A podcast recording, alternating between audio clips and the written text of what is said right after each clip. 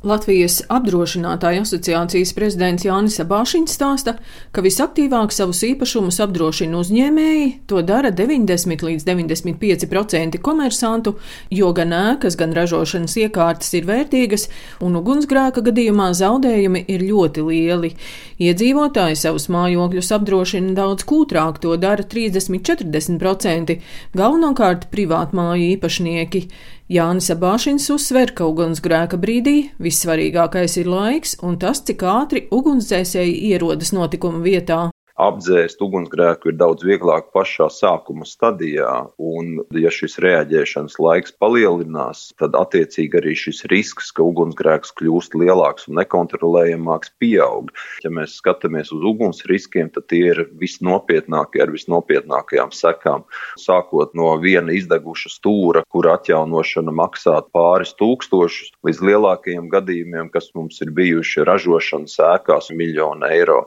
Ja mēs šogad vairāk pārējām no gāzes apkures uz šķeldes apkuri, tas nozīmē to, ka kaut kur šķeldas kaudzēs arī var sākties kaut kāda gruzdēšana. Un arī tur ir vajadzīga ļoti ātra reakcija, lai no šīs gruzdēšanas neizceltos kaut kāds nopietnāks ugunsgrēks.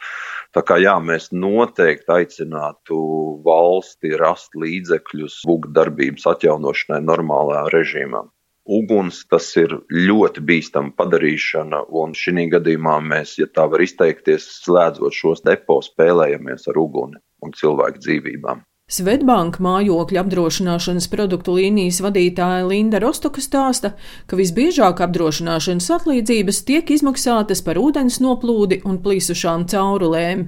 Ugunsgrēku atlīdzības ir tikai 2% no visiem gadījumiem, bet sekas ir daudz smagākas. Piemēram, pagājušajā gadā mums bijušas atlīdzības, kur mēs esam atlīdzinājuši 150 tūkstošus eiro vai vairāk. Tas gan ir privātmāju gadījumos, jo skaidrs, ka tā ir lielāka platība, lielāks apjoms, ko atjaunot. Bet dzīvokļos arī mums, teiksim, ja ir ugunsgrēks, arī jautājums, kas notiek ar kaimiņiem apkārt, jo parasti nav tā, ka viens dzīvoklis atrauti no pārējā mājokļa sadeg un viss, tad jau arī pārējie apkārt cieši. Mēs no savas puses atlīdzības esam tiešām vairākos pārsimt tūkstošos maksājuši, lai mājoklis tiešām arī ir tādā stāvoklī, kāds tas bija pirms negadījuma. Īpašuma apdrošināšanas mēneša maksa ir atkarīga no mājokļa lieluma. Nelielam dzīvoklim tie var būt arī zem 10 eiro mēnesī. Svetbank klientiem ugunsgrēki sākušies arī, piemēram, lādējot gultā bezvadu austiņas vai aizdegoties papīra dvieļiem pie plīts.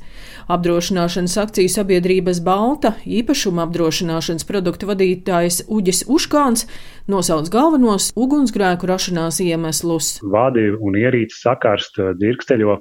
Otra liela grupa, kādēļ sākas ugunsgrēki, ir apkurses ierīču un dūmvadu problēmas. Un, protams, arī neuzmanīga rīcība, it sevišķi apkurses sezonā aktīvi izmantojam sildītājus, krāsnis, pārāk tuvu novietojam kādus degošus priekšmetus, iespējams, kādreiz uzliekam kādas drēbes, pažāvēties uz elektriskiem sildītājiem. Uzņēmumos ir pāris lietas, kas vēl nāk klāt no riska viedokļa, ir tas, ka biežāk tiek veikti dažādi remonta un uzlabošanas darbi, un it īpaši bīstami ir darbi ar atklātu liesmu, kur ir metināšana, jumta seguma ieklāšana un tam līdzīgi. Uģis Uškāns no Baltas stāsta, kā katrs pats savu mājokli var pasargāt no ugunsgrēkiem, un pats vienkāršākais un lētākais variants ir iegādāties dūmu detektoru. Būtiski noteikti ir arī sevišķi privāti mājās sekot līdzi dūmvadiem, tos apsekot un tīrīt, jo dūmvados sakrājas sodrēji, aizdegās, un tas ir ļoti izplatīts ugunsgrēku iemesls. Jā, arī elektroinstalāciju apsekošana, nu, ja izdodas reizes desmit gados uzaicināt profesionālu elektriķu, novērtēt, kādā stāvoklī tad ir elektroinstalācijas. Vai nav kādi bojājumi, tad tas arī ir ļoti noderīgi. Uz to var norādīt arī tāds šķietams sīkums, kā, piemēram, rozetes sīkšana vai maza dzirksteļošana. Tas mūsu novērojums ir, ka, ja pēc uguns izcelšanās ir pagājuši vairāk kā 15 minūtes, tad gan mājokļiem, gan uzņēmumu īpašumiem ir liela iespēja, ka ēka pilnībā būs gājusi bojā. Tā kā šī ātrā reakcija ir ļoti liela nozīme. Un uh, bažas jau rada ne tikai tas laiks, cik aizņems aizbraukt līdz šai apdzīvotajai vietai, kurā ir sācies ugunsgrēks, bet arī tas, ka tieši šo ekipāžu skaits samazinās, tas ir satraucoši. Apdrošinātāju apkopotie dati liecina, ka uguns nelaimes Latvijā visbiežāk notiek no decembra līdz aprīlim. Daina Zalamane, Latvijas radio.